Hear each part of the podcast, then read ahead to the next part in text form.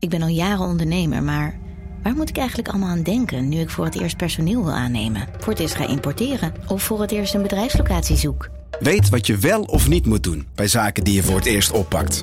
Check kvk.nl voor praktische stappenplannen. KVK, hou vast voor ondernemers. Hey podcastluisteraar. Ook op zoek naar een relevante invulling van je schaarse luisteruren? Tune dan in op de podcastserie ESG, even samengevat van BNP Paribas. Wij, Marloes en Aldert, spreken daar duurzame voorlopers en wereldverbeteraars. Waarover dan? Nou, bijvoorbeeld of we ooit duurzaam kunnen gaan vliegen. En waarom koeien in de stad nou een goed idee is? Dat en meer elke twee weken in een nieuwe aflevering. Dus abonneer je. ESG, even samengevat.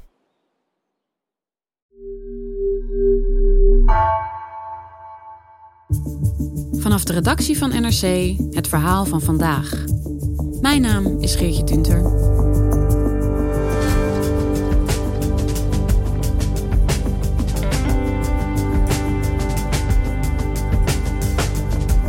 De verhoudingen tussen China en Taiwan zijn al decennia lang nogal moeizaam, op zijn best. Taiwan wil onafhankelijk zijn, China vindt juist dat Taiwan onder Chinees bestuur valt. Maar de laatste tijd lopen de spanningen wel erg hoog op, ziet correspondent Gary van Pinksteren. Dreigt er een oorlog tussen China en Taiwan? En op welke manier zal de nieuwe Amerikaanse president Joe Biden zich mengen in dit conflict?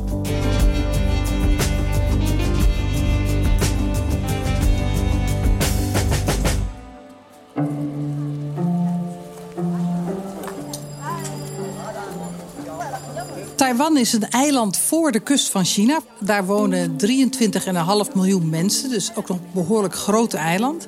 En het is het eiland waar de nationalisten, dat waren de tegenstanders van de communisten, de tegenstanders van Mao, waar die naartoe gevlucht zijn in 1949, toen de communisten de macht kregen in China. En die hebben daar op Taiwan een eigen regering opgezet. En sindsdien is het eigenlijk altijd een beetje onduidelijk geweest wat de status dan was van die regering. Want die regering op Taiwan heeft altijd gezegd: vroeg of laat eh, gaan wij China weer veroveren, gaan wij China bevrijden. Maar aan de andere kant zeiden de communisten ook. Dit is het laatste stukje China, wat echt en onvervreemdbaar bij China hoort, wat wij ook vroeg of laat toch weer bij China moeten halen. Ja, dus in Taiwan zagen ze zichzelf een beetje als een regering in ballingschap bijna. Ja, want er was eigenlijk heel weinig contact dus tussen Taiwan en China. En wanneer er pas een echte doorbraak is gekomen in de relaties tussen Taiwan en China zelf, is in 1992 geweest. Toen hebben ze een afspraak gemaakt, die twee regeringen, om te zeggen: oké, we aanvaarden in ieder geval allebei dat China en Taiwan één groot Chinese rijk vormen of zouden moeten gaan vormen. Maar we spreken ons niet uit over wat dan de regering van dat rijk zou moeten zijn. Nou, onder die voorwaarden konden dan beide kanten konden weer met elkaar uh, handel gaan drijven. En wat je op dit moment ziet, is dat die aandacht van China voor Taiwan weer heel groot is. En sommige mensen zijn ook bang dat China echt en werkelijk Taiwan gaat binnenvallen binnen een aantal jaren.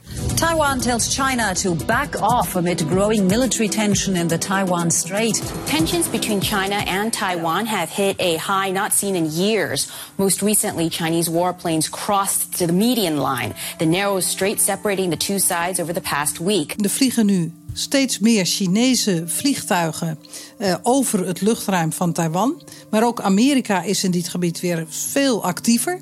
Uh, dus er zijn veel Amerikaanse schepen, mm, oorlogsschepen, die er door het water wat Taiwan van China scheidt heen varen. The United States sent a carrier strike group into the South China Sea on what it called routine operations to ensure freedom of the seas. And it urged China to cease its pressure on Taiwan.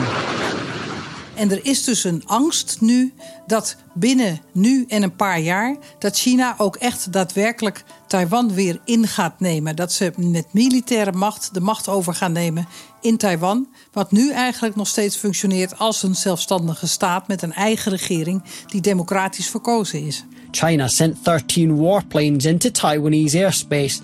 A day later, China sent a further 16 aircraft into their airspace. China also warns any push for Taiwan's independence means war. Ja, Gary, dat klinkt behoorlijk serieus. Die spanningen zijn dus recent echt weer opgeleid. Hè? Nadat er een periode toch wel van relatieve rust is geweest sinds de jaren negentig. Waar zit hem dat in? Het belangrijkste waardoor die spanningen weer zijn opgeleid, is omdat Taiwan een andere regering kreeg. Die vragen ging stellen bij van is het nou wel zo dat China en Taiwan één land zouden moeten vormen? Wij zien veel meer eigenlijk in een onafhankelijkheid voor Taiwan. Die zei van ja, we zijn eigenlijk in Taiwan een multiculturele samenleving. We zijn helemaal niet zo Chinees. Wij willen ook graag een multiculturele, internationaal gerichte samenleving zijn. En wij twijfelen er dus aan of we wel één China willen vormen. Dat is iets wat voor China totaal onacceptabel is. Dat is echt dat ze zeggen: als je dat niet accepteert, dan kunnen we eigenlijk nauwelijks meer met je praten. Dus sindsdien zijn de spanningen al toegenomen. Van de Chinese kant is het zo dat China wordt militair steeds sterker, wordt ook internationaal steeds machtiger. En daarmee uh, lijkt voor China het moment dichterbij te komen waarop ze zouden zeggen van nou we gaan Taiwan ook werkelijk weer onder ons bestuur brengen. En Amerika van zijn kant heeft ook veel sterker dat ze zeggen dat laten wij niet gebeuren, dit gaat niet gebeuren.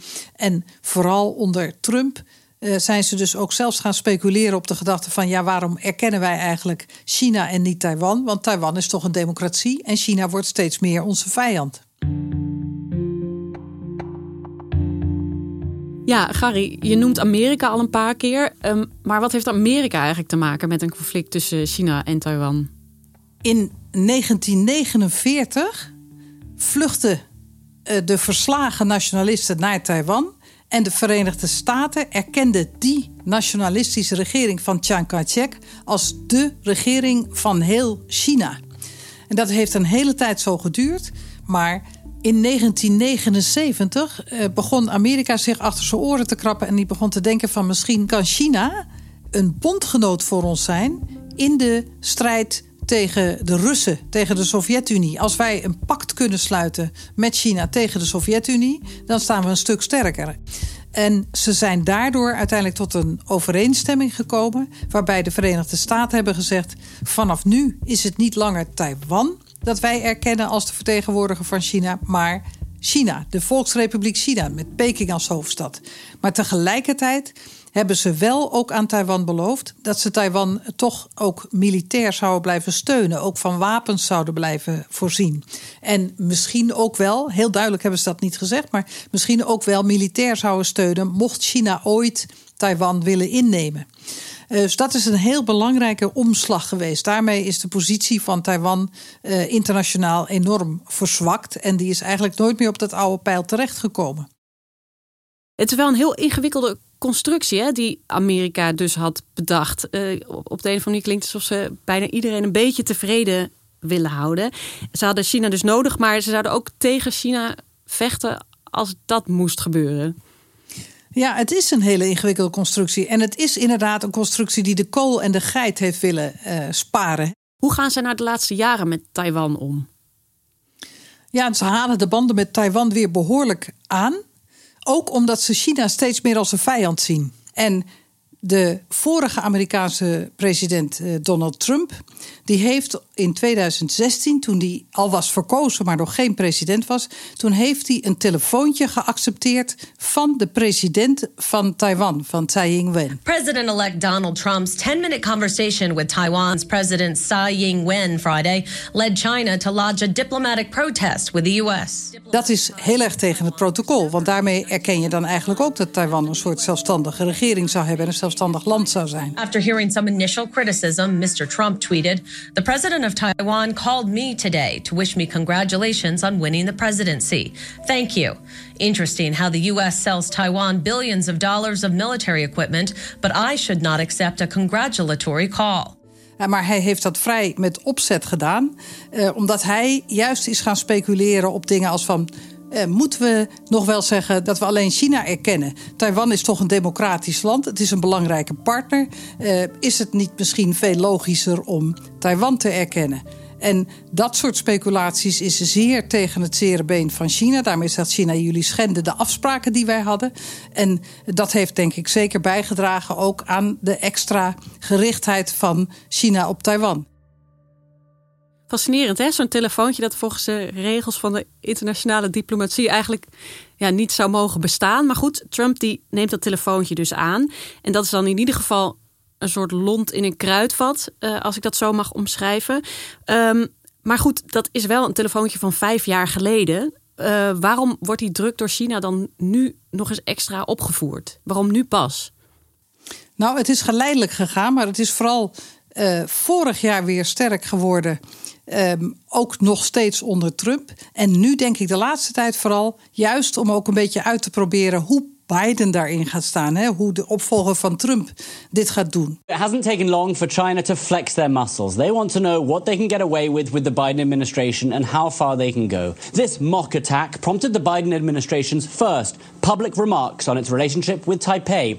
The State Department saying we urge Beijing to cease its military, diplomatic, and economic pressure against Taiwan and instead engage in meaningful dialogue with Taiwan's democratically elected representatives. Ik denk dat Biden bijna niet anders kan dan toch een beetje het beleid van Trump voortzetten en streng blijven voor China. Mm -hmm. Dat heeft hij ook in zijn verkiezingscampagne gezegd. Amerika heeft bijvoorbeeld ook een vertegenwoordiging, een belangrijke hoge vertegenwoordiging van Taiwan gevraagd bij de inauguratie van Biden. En dat is ook werkelijk iets wat Amerika heel belangrijk vindt. Die ziet dit, de strijd met China, als de grote strategische strijd van dit moment. De grote uitdaging voor de Verenigde Staten. Ze zijn echt nu allebei bijzonder gericht. Niet alleen op Taiwan, maar op heel Oost- en Zuidoost-Azië. Om te kijken wie daar uh, uiteindelijk de dominante rol kan spelen. Of hoe ze daar met elkaar moeten omgaan.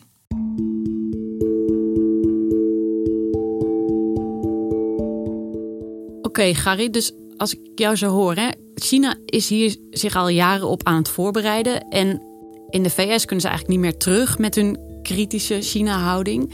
Dat klinkt eigenlijk alsof er afgestevend wordt op een conflict. En hoe zou zo'n conflict er dan uitzien? Of de VS Taiwan ook echt militair zullen steunen in de zin van dat ze troepen zouden sturen als China Taiwan zou binnenvallen, bijvoorbeeld. Dat is niet helemaal duidelijk. Hè? De, uh, daar wordt ook binnen Amerika over gepraat. Want uh, dat is nooit zo keihard toegezegd. Dus dat zouden we moeten afwachten. Maar als je kijkt hoe zo'n conflict eruit zou kunnen zien. Als je dan eerst kijkt naar hoe het er in de extreemste geval zou kunnen uitzien. Hè? Als China op een of andere manier zou vinden dat ze echt Taiwan met militaire macht zouden moeten binnenvallen. Dan kom je in een concept waar ik het laatst met een, een Amerikaanse veiligheidsexpert die lang in het leger heeft gezeten over heb gehad. Een meneer die heet Lonnie Henley. En die zei: het zou de grootste uh, invasie vanuit water op land zijn van de moderne geschiedenis. Dus het is een enorme onderneming. Dan moet je bedenken dat daar zo'n 300.000 Chinese troepen in een paar weken over het water gezet zou moeten worden wat China en van Taiwan uh, scheidt. Dat is dus de straat van Taiwan.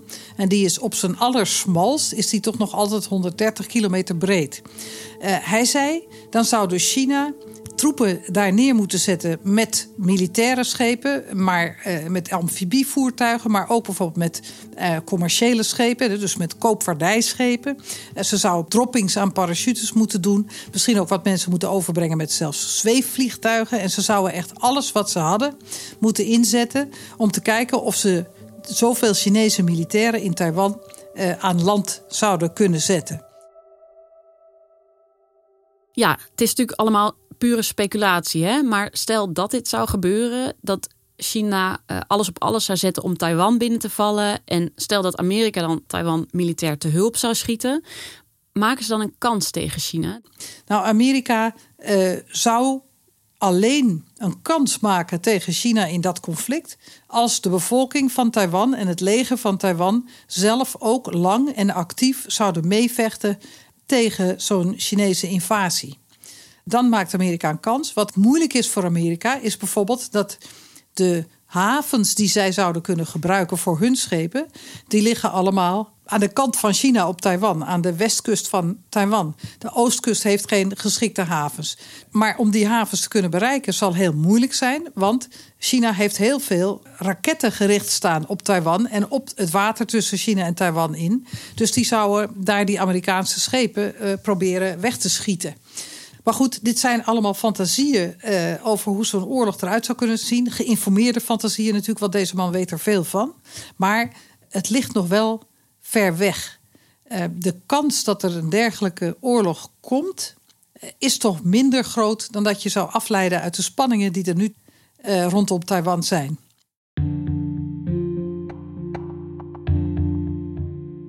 Ja, dus we zien hè, dat, dat China ja, de militaire druk uh, opvoert. Eigenlijk zijn spierballen laat zien daar uh, bij Taiwan. Maar wat denk je, wat hopen ze nu eigenlijk dat er uit deze spanningen komt? Hoe hopen ze dat het nu af gaat lopen? Ik denk dat China hoopt dat ze daarmee Amerika weer een stukje verder terugdringen uit de regio. Maar ik denk zeker niet dat ze hopen dat er een oorlog ontstaat over Taiwan. En hoe kan dat dan? Is het, uh, zijn het dan vooral grote woorden? Het is veel wapengekletter en veel psychologische oorlogsvoering. Maar dat is niet het enige. Kijk, voor China om een dergelijke oorlog te beginnen, zou voor China enorme offers vragen. Het zou ook heel erg ingaan tegen hoe China zichzelf nu aan de buitenwereld presenteert. Want China zegt nu juist altijd: uh, wij zijn niet zoals jullie, wij, wij gaan niet snel over tot geweld ook uh, Lonnie Henley en een andere expert die ik daarover sprak, uh, Bonnie Glaser, ook een Amerikaanse, die zeggen het is eigenlijk veel waarschijnlijker dat China probeert om de druk op Taiwan op te voeren. To me this does not signal an impending strike on Taiwan. Rather it's more part of the psychological warfare. Um, I think that China is really trying to bully and intimidate uh, Taiwan. En daar zullen ze zeker ook bij zeggen van jullie denken dat Amerika jullie komt redden, maar dat komt Amerika niet. Dus jullie hebben eigenlijk geen andere keuze. They really have no other choice other than to unify with China. The United States can't come save them. It can't really defend them. Um, and their economy won't be very successful if they are not integrated with China. Taiwan is uh, veel afhankelijker van China dan China van Taiwan. Gewoon door de grootte van die landen ook. Hè? Maar het zou de internationale status van China natuurlijk veranderen. En je zou je kunnen voorstellen dat landen China gaan boycotten of geen handel meer willen drijven of beperkende maatregelen gaan opleggen als China werkelijk Taiwan binnenvalt. Ik denk niet dat de internationale gemeenschap dat zonder slag of stoot zou accepteren. China heeft wel altijd gezegd met Taiwan dat ze dat uh, desnoods ook met militair geweld zouden doen, maar echt de voorkeur en het meest positieve voor China zou zijn als ze wel Taiwan op een of andere manier terug kunnen krijgen, maar liefst zonder een schot te lossen. En liefst zonder dat het de internationale groei van China hindert. En denk je dat Taiwan misschien onder de druk zal bezwijken? Het is moeilijk te zeggen. Uh, ik denk enerzijds dus niet dat er al heel snel een Chinese troepenmacht uh, op Taiwan staat. Ik denk anderzijds wel dat het heel moeilijk zal zijn om de status die Taiwan nu heeft, om die nog voor uh, zeg maar 50 of 100 jaar door te zetten.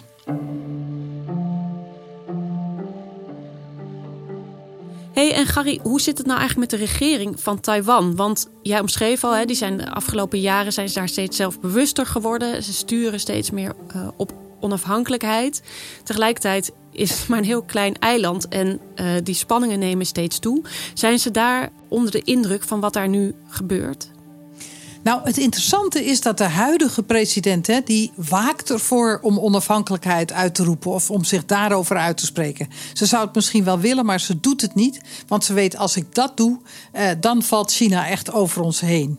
Maar de angst is een beetje dat een eventuele opvolger van haar uh, over een jaar of vier of vijf misschien radicaler is. En dat die wel overgaat tot stappen die meer richting onafhankelijkheid gaan. En dat China dat dan op dat moment niet zal accepteren. En dat er dan dus toch uh, een vorm van strijd komt. Uh, dat is de angst. Want het gekke is wel altijd dat als je kijkt naar het verleden in Taiwan. Dat telkens als China enorme militaire druk zette op Taiwan. om ze te proberen over te halen iets te doen wat China graag wilde. dan heeft dat eigenlijk altijd een averechts effect gehad.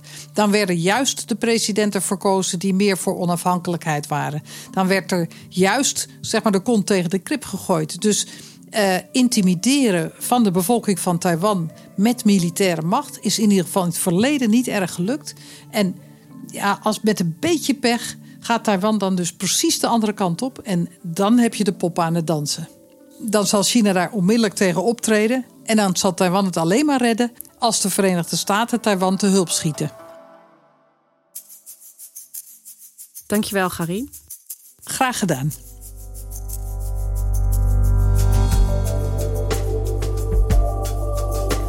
Je luisterde naar Vandaag, een podcast van NRC. Eén verhaal, elke dag. Deze aflevering werd gemaakt door Anna Korterink en Misha van Waterschoot. Chef van de audioredactie is Anne Moraal. Dit was vandaag, morgen weer.